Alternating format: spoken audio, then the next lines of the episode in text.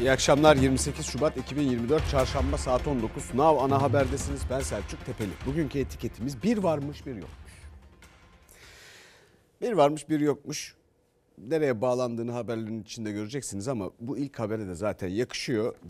Emeklilerimize bir ümit verir gibi oluyorlar.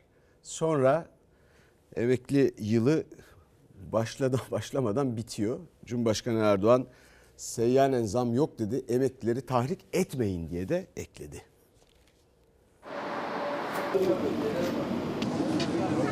Titriyorum. En düşüğü 10 bin lira olan emekli maaşı ömrünü kendisinin ve ailesinin geçimi için harcamış vatandaşlarımız için yeterli mi? Elbette değil. Milletimizden sabır ve metanet istiyoruz. Bunun anlamı emekliler için açlık sınırından 7 bin lira aşağıdaki en düşük emekli maaşını arttırmamaktır. Birileri çıkıyor emekli maaşlarına 7 bin lira, 10 bin lira seyyanen ekleyelim diyerek kendi akıllarınca emeklilerimizi tahrik ediyor. Milyonlarca emekli açlık sınırının çok altında 10 bin lirayla yaşam mücadelesi verirken gecenin ikisinde başlayan ucuz et kuyruklarında beklerken emekli maaşının artırılması talepleri için tahrik dedi Erdoğan. Emekliye ek zam yapılmayacağını da bütçeye ek maliyet getiriyor diyerek açıkladı. Meclisi kapatmayalım. 3 gün daha çalışalım. Emekli kart uygulaması getirelim. Asgari ücret 17.002 liradır. Aradaki 14 bin lirayı bütün emeklilerin hesabına yatıralım. 16 milyon emeklimiz var. Emekli maaşlarına 7 bin lira eklemek demek bütçeden yaklaşık 1,4 trilyon liralık 10 bin lira eklemek demek. 1,9 trilyon liralık bir kaynağı buraya aktarmak demektir. Yaklaşık 1 trilyon lira sadece kur korumalı mevduatın getirdiği yük. Al işte kur korumalı mevduat bunu karşılıyor. 2024 yılı boyunca ülkemizde tek çivi çakmasak tüm yatırım bütçesini buraya aktarsak bile bu gideri karşılamaya yetmiyor. bütçeye yük getiren arıyorsan günlük 3,5 milyon harcadığın sarayına bak. Lüks makam araçlarıyla konvoyuna bak.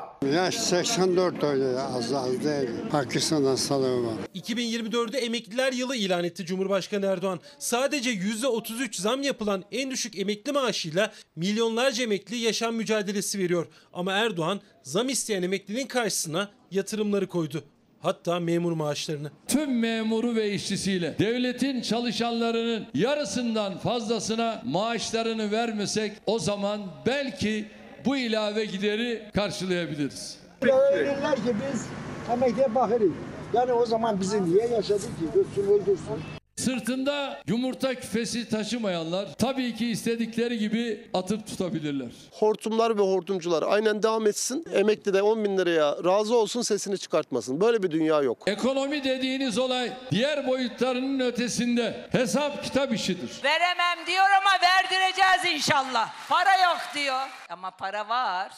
Yandaşa var. Hayat pahalılığı karşısında ezilmiş. Herkes 31 Mart'ta bu iktidara gücünü göstermek zorundadır.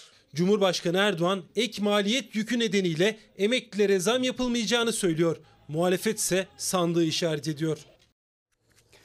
Efendim müteahhitlere var. Kur korumalı onlarınki de. Zaten döviz, döviz cinsinden Türk lirasına bile çevirmediler.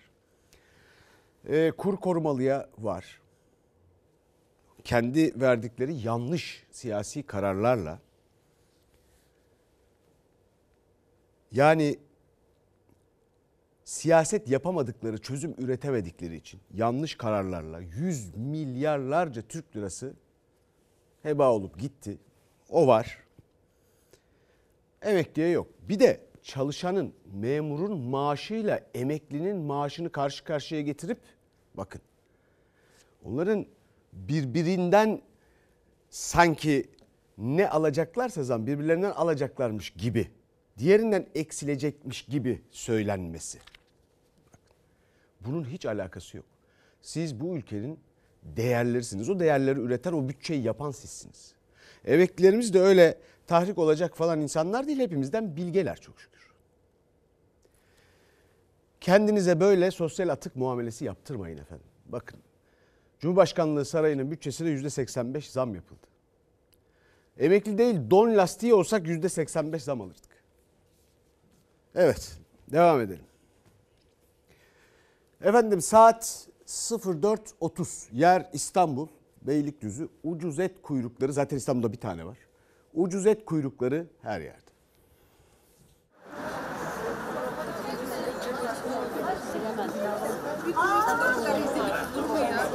Günaydın mı diyelim yoksa iyi geceler mi diyelim bilemiyorum. Gecenin bu saatinde et derdine düştük. Yaşamsal bir ihtiyaç olduğu için yoksa lüks olduğu için değil. Sağ olsunlar bizi bu duruma getirdiler. Kendileri huzur içerisinde yaşasınlar. Keşke eski kuyruklar olsaydı. Biz uzaya adam gönderiyoruz. Hangi çağdayız? Bak doktora gideceğim. Kanserim. Şu anda bacaklarım dondu. Anlatacak durumda değil.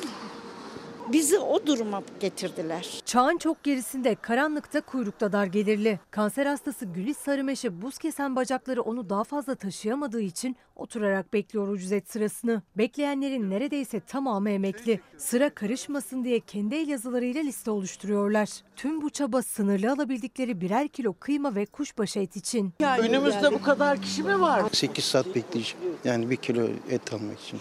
Ya 12'de liste başına yazıldım. Yoksa alamazsın ki istediğin. 3 gündür uğraşıyorum et almak. Saat 4.30 İstanbul Beylikdüzü'nde tek mağazası bulunan Et ve Süt Kurumu'nun önündeki et sırasında şimdiden 24 kişinin ismi var. Kaçıncı sırada? 29, Saat şu anda. 4.44. Saat 1'de geldim. Dört buçuk saat burada oturuyorum. Bir kilo kıyma alacağım. Birde geleceğim soğukta oturacağım. Sen manda yoğurdu yiyeceksin. Sen kestane balı yiyeceksin. Bana vereceksin 10 bin lira. Hangi vicdana sığar? Bu duruma düşürenler utansın. Bu sabahın köründe herkes uyuması gerekiyorken biz buraya geliyoruz. 10 bin lira emekli maaşı uyutmuyor emekliyi. Geceden giriyorlar et ve süt kurumu kuyruğuna. Dakikalar geçtikçe sıra uzuyor. Saatler geçtikçe soğukta iyiden iyiye vuruyor.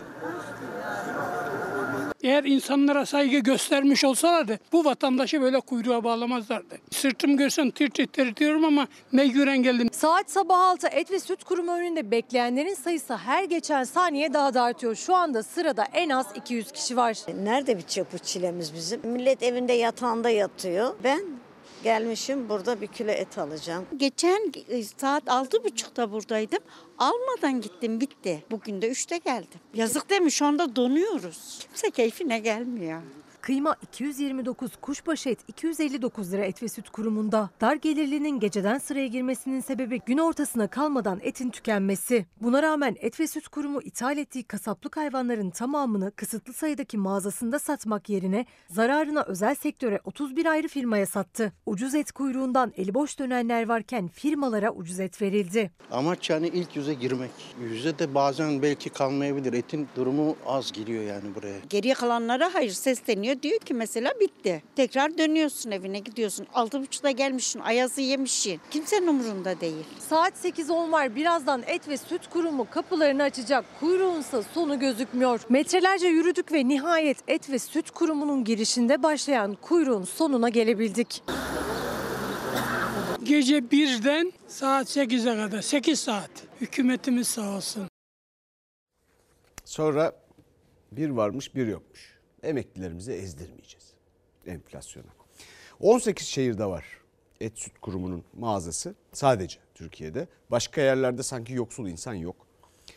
İstanbul'da bir tane var. Bu arada gördünüz grafikte gayet güzel arkadaşlarım hazırlamışlar. 31 firmaya da et vererek bu ülkenin yetiştiricisinin, çiftçisinin karşısında devlet zararına onlar piyasa fiyatına satıyor. Zararına haksız rekabet yaratıyor. Dükkan açıyor yani. Ya bir ülkenin hükümeti kendi çiftçisinin, esnafının, kendi emeklisinin rakibi olur mu ya? Onunla rekabet eder mi yani? Bütün yetki ellerinde. Sonra da para yok. Ha bu arada bizim Derya Özcan ve Ercan Canik oradaydı kameraman. Orada kıymetli e, emeklilerimizden e, ne olur Ercan git Selçuk Tepeli'yi sarıl öp demişler. Yoksa günahımız boynuna demişler. Efendim buradan söyleyeyim geldi sarıldı öptü Ercan. Allah razı olsun. Şimdi gelelim sandığa giderken yüksek tansiyon. Gençler bak Doğalgazı kullananlar nasıl konuşuyor görüyor musun?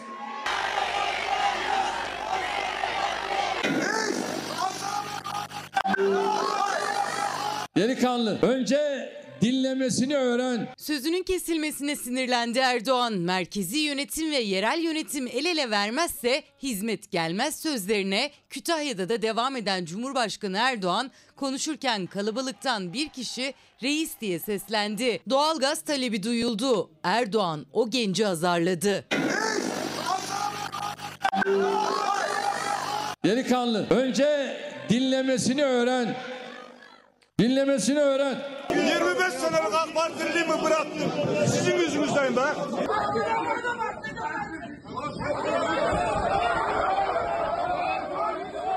Kavganın yaşandığı yerde Konya Beyşehir. 2019 seçimlerinde Konya'nın Beyşehir ilçesinde Adil Bayındır bağımsız olarak seçime girmiş belediye başkanı olmuştu. 31 Mart seçimlerinde AK Parti'den aday oldu ama AK Parti teşkilatı öfkeli.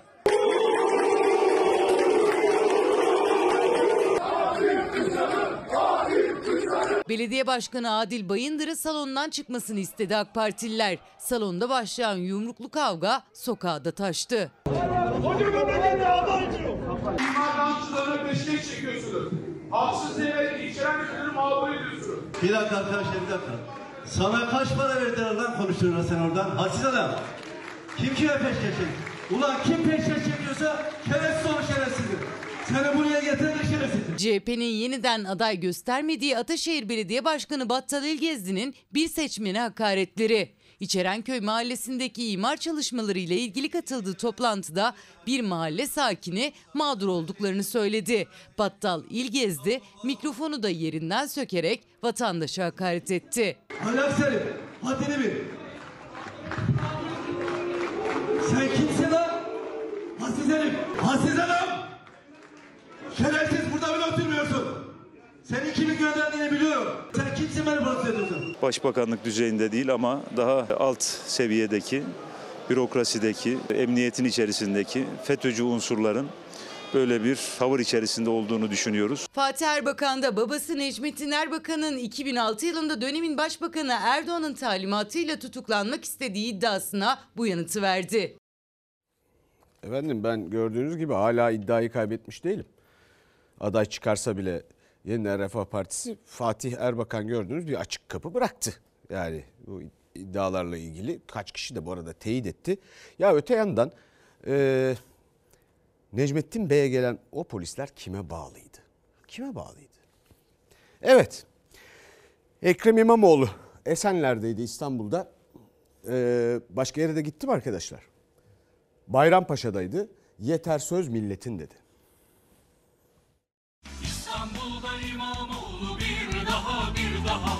Ey milletim! Gücünüzün farkına varın. Sizden daha güçlü kimse yok. Eğer bunların o kibri, hor görme hali, hayat pahalı olarak geri dönmesini istemiyorsanız kardeşinize inanın. Bize oy vermelisiniz. Yeter söz milletin demelisiniz. 1950 seçiminde ipi göğüsleyen Adnan Menderes'in sloganıydı. Bu kez de Ekrem İmamoğlu yeter söz milletin dedi. Son yerel seçimde AK Parti'nin %65 oy aldığı Esenler'de İmamoğlu'nu dinlemeye gelenler meydanı doldurdu, coşku da yüksekti. Yine ceketini çıkarttırdılar İmamoğlu'na. Sabahtan beri ceketi çıkar diyorlar. Ben ceketi çıkardım. Zaten hiç giymemiştim. 6 Mayıs'ta çıkarmıştım. 6 Mayıs'tan beri hiç giymedim. 31 Mart'ta Ekrem İmamoğlu'nun o oy hanesine mührü basmak için herkes hazır mı? Cumhuriyet tarihinin en sefil dönemi yaşanıyor. 70-80 yaşlarındaki annelerimiz, babalarımız sabahın erken saatlerinde ucuz gıda alabilmek için kuyruklara giriyor. Bu memlekete gıda kuyruklarını tekrar geri getiren bu hükümet olmuştur. Emeklinin girdiği kuyruklar Ekrem İmamoğlu'nun da gündemindeydi. Sadece Esenler'de değil yeni günde de hedefinde Cumhurbaşkanı Erdoğan vardı. Onu emekli etmeye hazırlanıyoruz dedi. İlla hükümetle belediye aynı partiden olmalıymış. Bak sen. Bak sen. Seçim yapmayalım o zaman. Bu ülkeyi kimler yönetiyor? Biz yönetiyoruz. Şu anda İstanbul'da bulunan bu zat veya zevat böyle bir imkana sahip mi? Değil. İstiyor ki her şeyi ona teslim edelim. Neyse biz onu yavaş yavaş emekli etmeye hazırlanıyoruz merak etmesin. Şimdi bu şahıs nasıl olduysa bir yanlışlık oldu. Bu görevi aldı. Demokrasiye inancını kaybetmiş insanlara demokrasiyi güçlü şekilde hatırlatacağız. Nerede az kaldı? 31 Mart'ta sandıkta. O sandığı biz çok seviyoruz ya. Fatih'te kaderine terk edilmiş haldeyken İBB tarafından satın alınan, restorasyonu tamamlanan ve kütüphanesiyle, restoranıyla hizmete sunulan tarihi Bulgur Palas'ın açılışını da yaptı İmamoğlu. Sonra da Türkiye Bosna Sancak Derneği'ni ziyaret etti. Bayrampaşa mitinginde ise sözleri yine sertti. Ne diyorlardı hatırlayın eskiden. Çalıyor ama çalışıyor. Artık bu millet ne diyor biliyorsunuz değil mi? Hem çalmıyor hem de çok çalışıyor kardeşim. Sayın Cumhurbaşkanı itiraf etti. Engelleye, engellemeye çalıştım dedi. Engelleyemezsin kardeşim. Ben öyle bir koşarım ki nefes nefese kalır. Yarı yolda yere yığılırsın bak yarı yolda. Şimdi Bayrampaşa bu seçimin göz bebeği. Herkes orada. Biliyorsunuz Murat Kurum da biz siz sırtımızı Bayrampaşa'ya dayıyoruz demişti. Ee, dolayısıyla tadını çıkarın. Ee, kıymetli Bayrampaşalı hemşerilerimiz. Ee, şimdi Esenler de çok kalabalıkmış bu arada. Yani e, enteresan. Bir tek Esenler Belediye Başkanı Tevfik, Tevfik Göksu yokmuş diyorlar. Enteresan. Bu emeklilik e, iddiası da iddialı laf. Cumhurbaşkanı Erdoğan'ı emekli etmeye hazırlanıyoruz falan diyor ya Ekrem İmamoğlu. Bu belki Cumhurbaşkanı'nın emeklilerle ilgili empati kurmasına da yardım edebilir belki. Hani nasıl geçiniyor bu insanlar filan diye ne bileyim. Şimdi gelelim Cumhur İttifakı'nın. Ha bu arada e, bildiğim kadarıyla Esenler'de geçen seçimde CHP'nin adayı yoktu. İyi Parti girmişti. İlginç yani. Şimdi geldik Murat Kurum'a. Ee, Murat Kurum, e, Cumhur İttifakı'nın ve AK Parti'nin İstanbul Büyükşehir Belediye Başkan adayı bir açılış yapıyor ve diyor ki şimdi biz neyin açılışını yapıyoruz? Tutabilirsiniz. Hiç sıkıntı yok. Hatta makası vereyim. Şimdi biz neyin açılışını yapıyoruz? evet. STK Akademi'nin açılışını yapıyoruz. Peki. Dünya STK günü galiba değil mi? Hep birlikte buyurun. Ya Allah, Bismillah. Dünya STK gününde Üsküdar'da Karadenizli sivil toplum kuruluşlarıyla bir araya geldi Murat Kurum. Açılış için de oradaydı aynı zamanda. Ancak ne açılışı yaptığını makası ve kurdeleyi eline alana kadar bilmiyordu. Şimdi biz neyin açılışını yapıyoruz? STK Akademi'nin açılışını yapıyoruz. Peki. AK Parti'nin İstanbul adayı Murat Kurum programlarına devam ediyor. Kentsel dönüşüm hemen her ziyaretinde birinci gündem maddesi. Tuzla'da, Kadıköy'de, Fikirtepe'de 60 bin konutluk Fikirtepe projesini nasıl yürüttüysek, toz koparanda kentsel dönüşümü nasıl başardıysak, İstanbul'da tek bir riskli yapı kalmayıncaya kadar kentsel dönüşümü sizlerle birlikte gerçekleştireceğiz. Fikirtepe betona gömülmekle eleştirilirken toz koparanda hala molozların bir kısmı duruyor. Tamamlanmayan çoğu evde hala teslim edilmedi. Tuzla'daki TOKİ mağdurları da 5 yıldır evlerine kavuşmayı bekliyor. Üstelik taksitler 20 katına çıktı. Kurum bu kez Kartal Uğur Mumcu Mahallesi sakinlerine kentsel dönüşüm sözü verdi. Verdiğimiz bütün sözleri yerine getirmiş olmanın özgüvenine sahibiz. Nasıl yapılacağını Ekrem Bey'e öğreteceğiz. Biz atama bekleyen öğretmenlerin sesi Tamam. olduk. Lütfen 7 aydır bekliyoruz. Bugüne kadar hep sözü tutan tarafta olduk. Önümüzü görmek Cemevi ziyareti sırasında atama bekleyen öğretmene de söz verdi Murat Kurum. Tramvay projesi açıklamıştı. İmamoğlu'ndan o bizim projemiz sesi yükseldi. Üsküdar, Kadıköy, Maltepe, Kartal tramvay hattımız. Nefes aldıracak bir proje olacak. Hani böyle aşırmak derler ya aşırmakta bunlardan maharetlisi yok. İmamoğlu'nun arkadaşlığıyla yaptığı projeyi dün kendi projeleriymiş gibi anlatıyorlar. Anlatsınlar. Varsın açıklasın. Nasılsa bu projeleri Metro Fatih Ekrem İmamoğlu ve arkadaşları yapacak kardeşim. Ordu Caddemiz var biliyorsunuz. Ee, İstanbul'da 81 ilden yaşayan kardeşlerimizin isimlerini taşıyan caddelerimiz, değerlerimiz var. Sayın Kurum'a bilgilendirme notu. 1. Ordu Caddesi'nin adı Ordu ilimizden gelmiyor. 2. Fatih Ordu Caddesi düzenlemesi İBB tarafından tamamlandı. Bu pazar açılıyor. Murat Kurum'a bir itirazda İmamoğlu'nun danışmanı Murat Ongun'dan geldi. Adını vatan millet ordu kavramlarından alan 3 caddeden biri olan Ordu Caddesi için düzenleme projesi açıklarken cadde isminin Ordu ilinden geldiğini söylemişti Murat Kurum. Ongun düzeltti. Murat Kurum ise yeni günde de Arnavutköy'den rakibini hedef almayı sürdürdü. Hadi metroyu yapamadınız. Ya otobüs bari koysaydınız ya. Gönlünüz rahat olsun. Sizleri bu Cumhuriyet Halk Partisi'nin insafına asla terk etmeyeceğiz. 2009 seçimlerinde Kemal Kılıçdaroğlu'nun kağıthaneye kağıt tepe demesi gibi bir durum ortaya çıkmış. Yani çok enteresan. Geçen de mal varlığını açıkladı bir yayında. Hayır, mal varlığı öyle mi açıklanır? İşte bir arabam var, bir evim var, biraz da borcum var. E araba ne? Ev ne? Ve bunlar böyle bir dosyayla resmi bir evrak olarak konmaz mı ya? Böyle böyle açıklanır mı mal varlığı?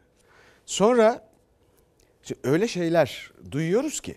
Mesela ne işin biz neyin açılışını yapıyoruz? Aklıma ben şey geldi biliyorsunuz rahmetli Kemal Sunal'ın bir filmi vardı Umudumuz Şaban diye. Oradaki hatırlar, hatırlar mısınız sözleri?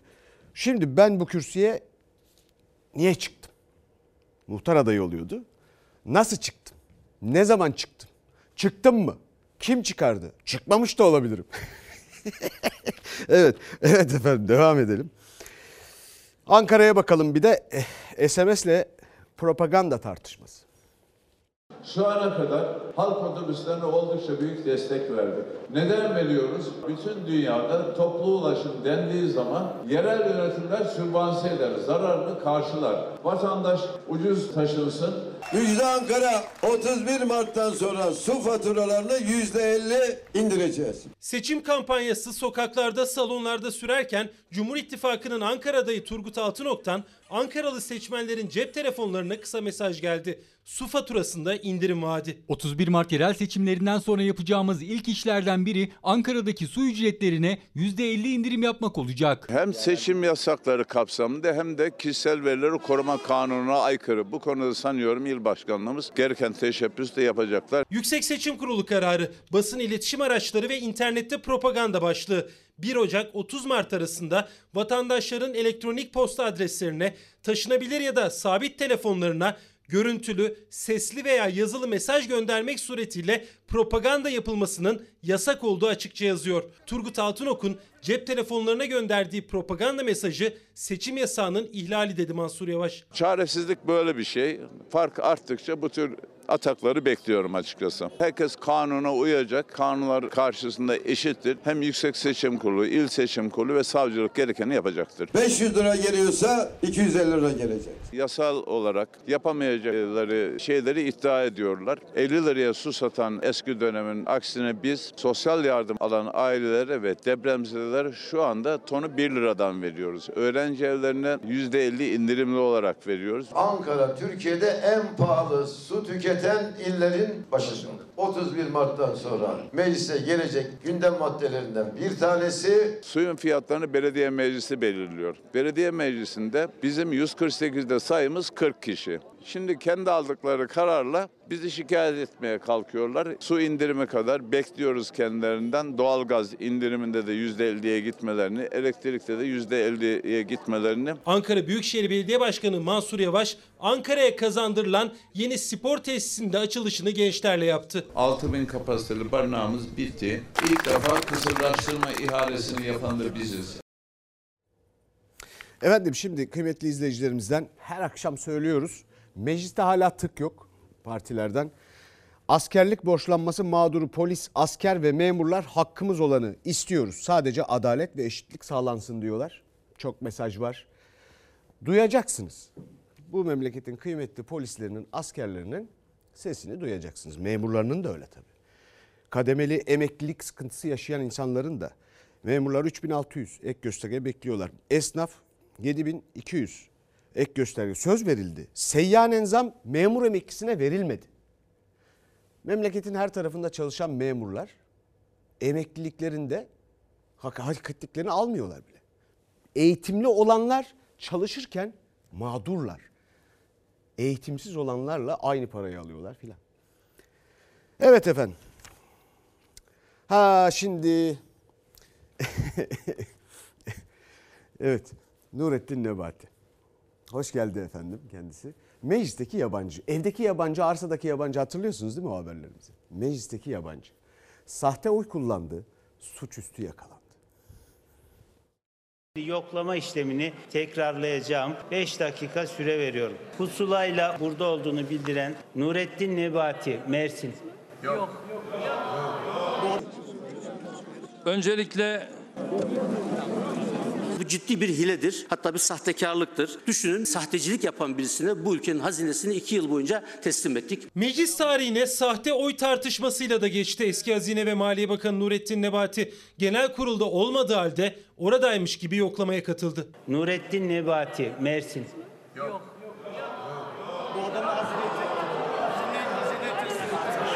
Milyonların gözü önünde canlı yayında büyük bir sahtekarlık yapıldı. Seçimlere hayalet seçmenleri karıştıranlar meclise hayalet vekil gönderdiler. Yanlanıyorum. Hani hep de hayal edersiniz ya şöyle bir uyusam da 6 ay sonra uyansam diye. Oylamadan önce yoklama talebi var. Toplantı yeter sayısı yoktur. Birleşime 15 dakika ara veriyorum. Meclisin toplanabilmesi için en az 200 milletvekilinin genel kurul salonunda olması gerekiyor. Muhalefet AK Parti sıralarındaki boşluklar nedeniyle toplantı yeter sayısı için yoklama istedi. Elektronik oylamaya geçildi. 5 dakika süre veriyorum. Yoklama işlemini başlatıyorum. O anlarda grup başkan vekilleri de meclis başkanının yanına gitti. AK Partili Özlem Zengin de. Çünkü bir kez daha toplantı yeter sayısına ulaşılamazsa genel kurul kapanacak. Özlem Zengin'in telefonu elinden hiç düşmedi. Milletvekillerinin genel kurulda olduklarına ilişkin meclis başkanlığına pusula verme hakkı da var. Değerli milletvekilleri, pusula veren vekillerimizin dışarı çıkmamasını rica ediyorum. Pusulayla burada olduğunu bildiren milletvekillerimizi okuyorum. Yılmaz Büyükaydın, Trabzon. Burada. Burada mı? Burada. Nurettin Nebati, Mersin.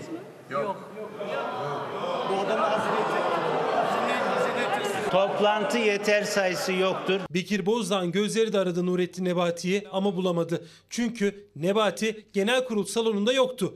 Olmadığı halde oradaymış gibi yoklamada oy kullanıldı. Pusula ile oy sahtekarlığını mecliste yapmaya çalışan bir bakana bu memleket hazineyi teslim etti. Mecliste AKP'nin açıkça bir oy sahtekarlığı iş üstünde yakalanmıştır. Mesele bu kadar açık. Ya arkadaşlar biz bir şey yaptık mı? Yok efendim. Lan nasıl? Türkiye Cumhuriyeti Devleti'nde bakanlık yapmış bir kişinin böyle bir şeyde olaya adının karışması son derece üzücü olmuştur. Düşünün sahtecilik yapan birisine bu ülkenin hazinesini iki yıl boyunca teslim ettik. Nurettin Nebati de AK Parti'de sahte oyla ilgili tek cümlelik açıklama yapmadı. Meclis yeni günde de yine toplantı yeter sayısı tartışmasıyla açıldı. Bu davranışlarınız devam edecekse lütfen kürsünüzü AK Parti sıralarını oraya kaydıralım. Siz AK Parti grubunu yönetin. Bu meclisi yönetmeyin. Lütfen izin verin. Fitne fesadı yapan senin babandır tamam mı? Terbiyeli konuş. Saygısız herif. Otur yerine. Meclis Başkan Vekili Bekir Bozdağ, Nurettin Nebati'nin yine olmadığı genel kurulda bu kez yoklama yaptırmadı. Muhalefetin toplantı yeter sayısı yok ısrarına rağmen görüşmelere geçildi.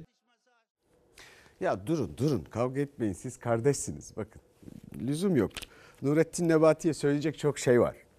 Şimdi bir defa kendi gözlerini kapatıyor ya. Biz de onu görmüyoruz zannediyor. o görmeyince biliyorsunuz açmamış o zamandan beri. 10 dakika ara verilmiş Nurettin Nebati'yi aramak için. Arayında bulun diye. Şimdi burada da öyle acayip bir hikaye var ki birkaç haberden haber öncesine hatırlarsınız. Şimdi ben bu oyu nasıl kullandım? Ya da ben kullanmadıysam kim kullandı? Niye kullandı? Kullanmamış da olabilirim. Ha bir de bebeği yapılacaktı ya hay Allah. Daha olmadı herhalde. Oyuncakları şeyleri. Şimdi anneler evlatlarına iş arıyor. Oğlum için geldim. Kendisi neden gelmedi? E, kendi çalışıyor. Memnun değil. Tek bir çocuğum var. Göndermem yurt dışına. Benimle birlikte olması lazım. Üniversite mezunu 4 yıllık. Asgari ücret. 12 saat çalışıyor. Anneler de istihdam zirvesindeydi. Evlatlarının emeğinin karşılığını alamadığını görüyorlar. Yurt dışına gitmek zorunda kalmasınlar diye onlar da çocuklarına iş arıyor. Annesiyim. Bir senedir iş arıyoruz. Yeni mezun oldum. Çok gönüllü göndermem. Aklım kalır. Çok fazla görüştüm. Yani bence olmamasının yegane sebebi yeni mezun olduğum için. Lütfen o şansları versinler gençlere. TÜİK'e göre işsizlik oranı %8,8'e geriledi. Gençlerde işsizlik oranı ise çok daha fazla. TÜİK'e göre bile %15,5. Gençler her platformda iş arıyor. İstanbul'da da 4. Üsküdar Boğaziçi İstihdam Zirvesi'nde şanslarını denediler. Çok zor söyleyebilirim. Kaç yere başvurdunuz şu ana kadar? Sayısını hatırlamıyorum.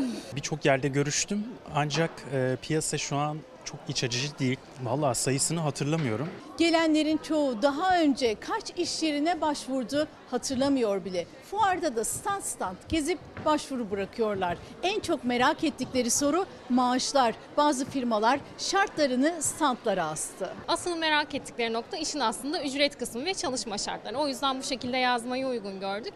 Diske göre işsiz sayısı 10 milyona yakın. İstihdam zirvesinde iş arayanlar arasında ise atanmayan öğretmenler de vardı. Özel okullarda öğretmenlik yapıp meslek değiştirmeye karar verenlerdi. Türk Dili ve Edebiyatı öğretmeniyim. KPSS'ye hazırlanıyorum yani atama gerçekleşmedi daha. O yüzden devam ediyoruz yani.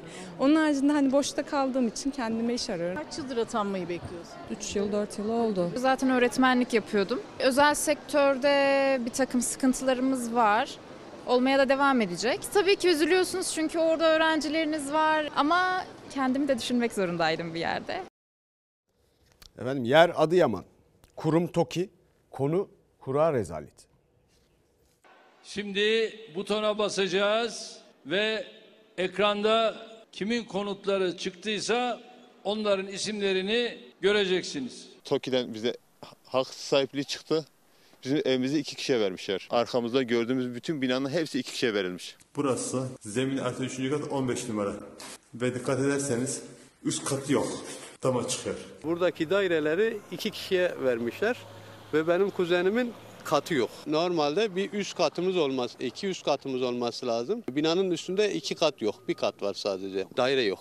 Ama çıkmış. Dört, dört kişiye orada daire çıkmış. Onlar kura sonucu TOKİ'nin yaptığı afet konutlarına hak kazanan Adıyamanlı depremzedeler. Çadırdan, konteynerden kurtulacakları için önce çok sevindiler ama sonra listeye bakınca hayal kırıklığı yaşadılar. Ya aynı daire birden fazla hak sahibine çıktı ya da olmayan daireler. AFAD liste yayınladı.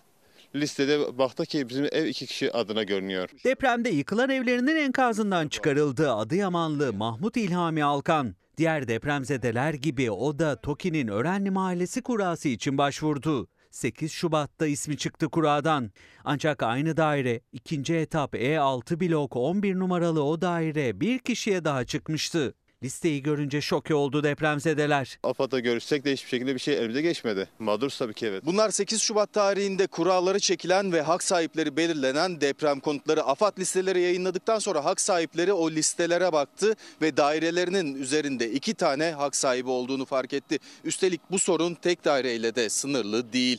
İkinci etapta birden çok dairenin birden çok hak sahibi var. Now Haber Adıyaman'da sadece aynı daireye ismi yazılan depremzedelerle değil, olmayan daireler için kuradan çıkan hak sahipleriyle de konuştu. Sitede dördüncü kat artı zemindeki kişilere verilmiş. Hem bu binaya 3 kat artı zemin kat yapmışlar. Deprem konutlarının büyük kısmı zemin artı 4 kat inşa edilirken bir kısmı da zemin artı 3 kat olarak yapıldı. Ama dördüncü kattaki 4 daire içinde çekiliş yapıldı. Yani olmayan dairelere hak sahipleri belirlendi. Bir zemin kat var, zeminin üstünde dört kat var.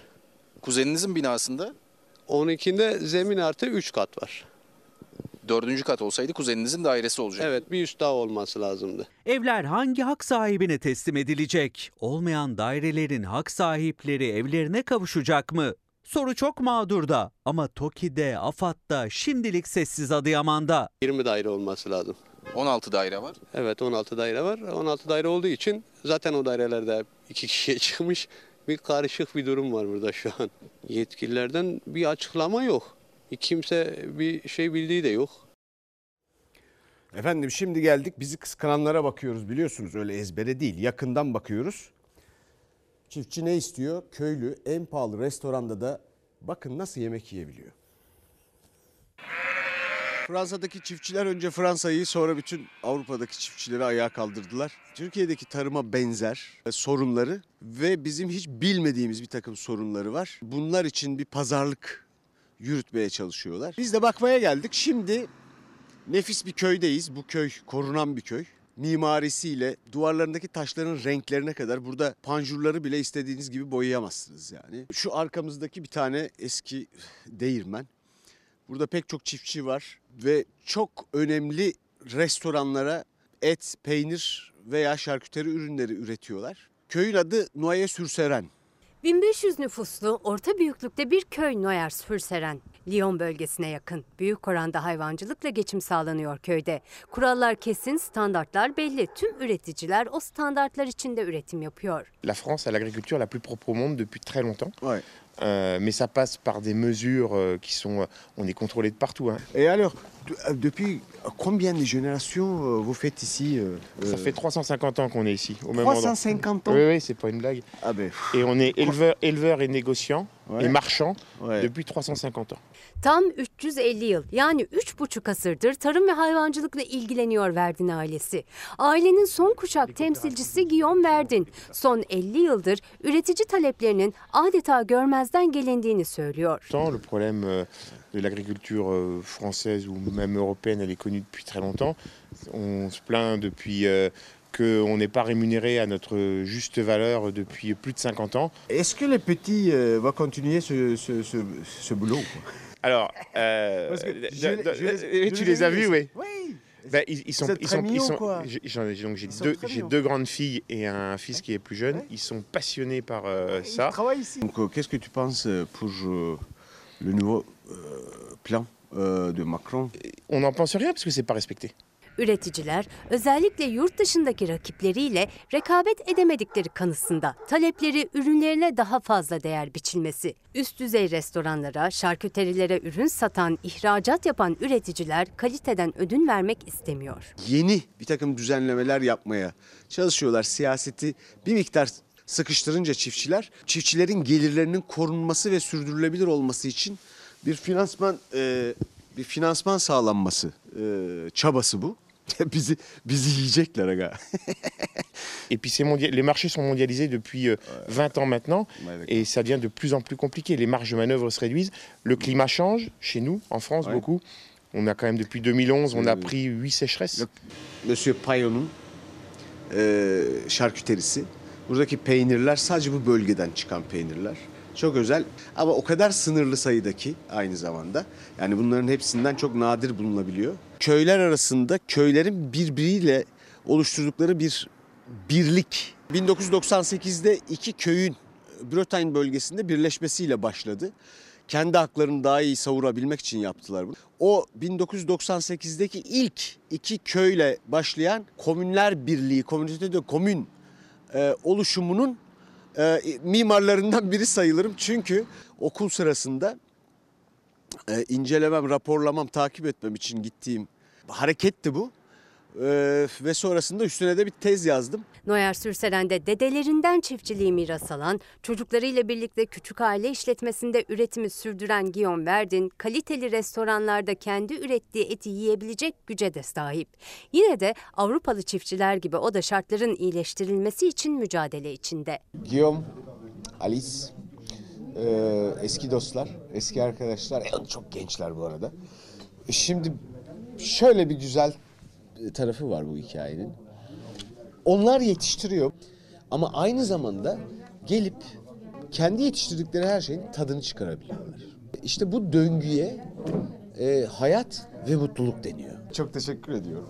E, İstanbul'a onları bekliyoruz. Hep birlikte ağırlayacağız bütün izleyicilerimizle beraber.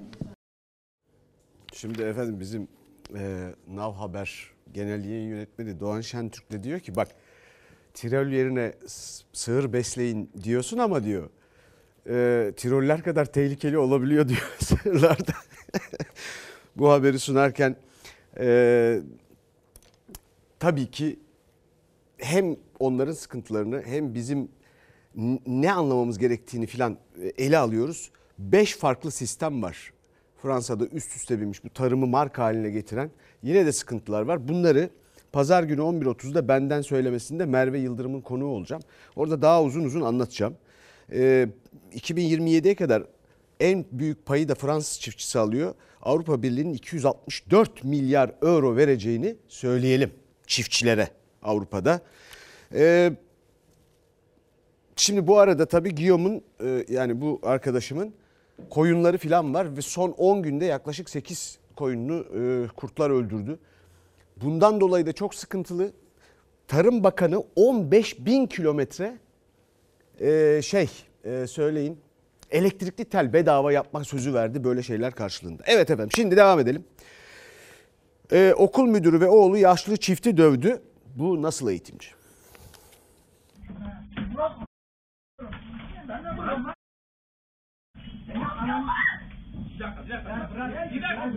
Tekmelerin, yumrukların hedefi oldular. 71 ve 77 yaşlarındaki çift otobüste saldırıya uğradı. Onları öldüresiye dövense bir lisede müdür olan babayla oğluydu.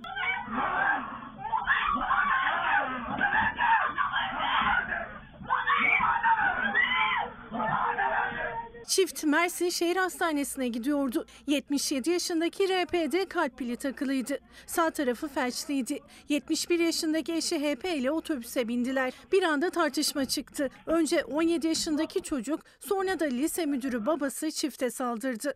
O anlarda yolculardan biri baba ve oğlunu engellemeye çalışsa da ikili elinden kurtuldu. Gözü dönmüş babayla oğlun saldırısını 77 yaşındaki adam bastonuyla engellemeye çalıştı ama gücü yetmedi. Kadın karnına aldığı tekme yüzünden yerde kıvranırken lise müdürü saldırgan yaşlı adamın üzerine çıktı, ayaklarıyla omzuna başına bastı. O müdürün kızı da otobüsteydi. Ağlayarak babasına yapma dese de İsmet de durmadı. Baba ve oğul bu görüntülerin ardından gözaltına alındı. Lise müdürü baba tutuklanarak cezaevine gönderildi. Efendim bizde kurtlardan önce onlara tel çekmesi lazım. Hükümetin. Bu, bu, bu gibi insanlara. Hakkını arayan işçiye süresiz ev hapsi. Biz hakkımızı istiyoruz kardeşim. Çık çık çık çık çık çık çık. Çık.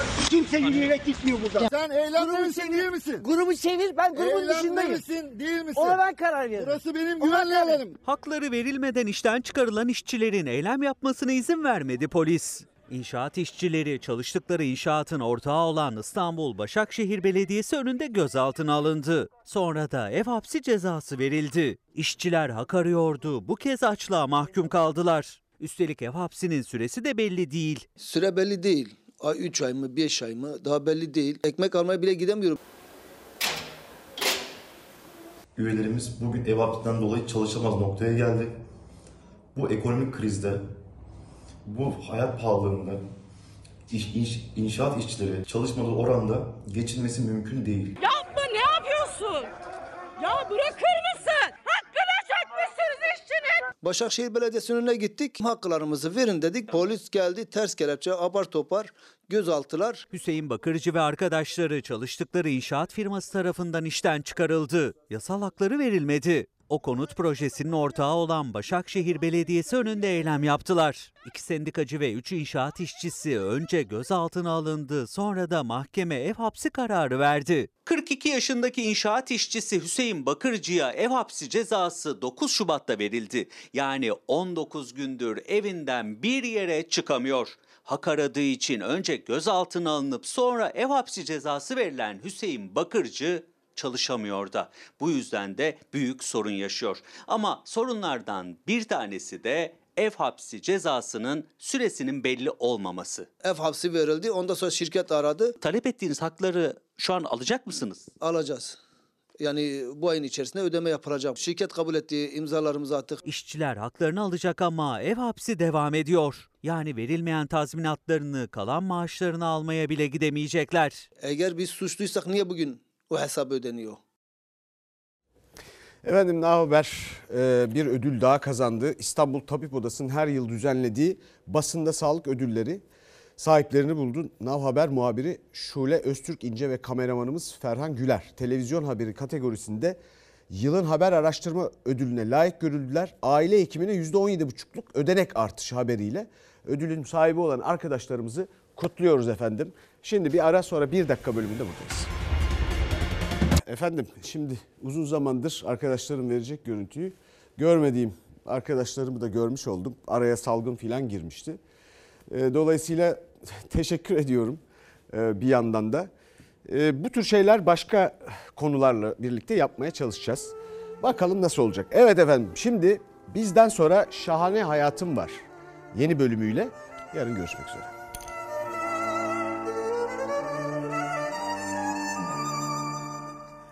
Havasına, suyuna, taşına, toprağına bin can